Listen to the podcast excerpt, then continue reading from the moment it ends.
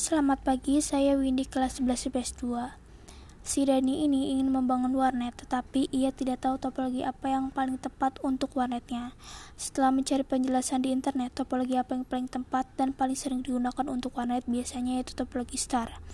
Topologi star merupakan bentuk topologi jaringan yang berupa konvergensi dari node tengah ke setiap node atau pengguna.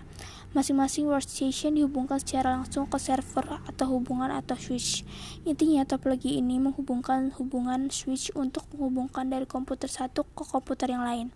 Dan di sini ada kelebihan dan kekurangan tentang topologi star. Yang pertama, saya akan menjelaskan tentang kelebihan atau keuntungan topologi star. Yang pertama, bersifat fleksibel. Yang kedua, keamanan data yang tinggi.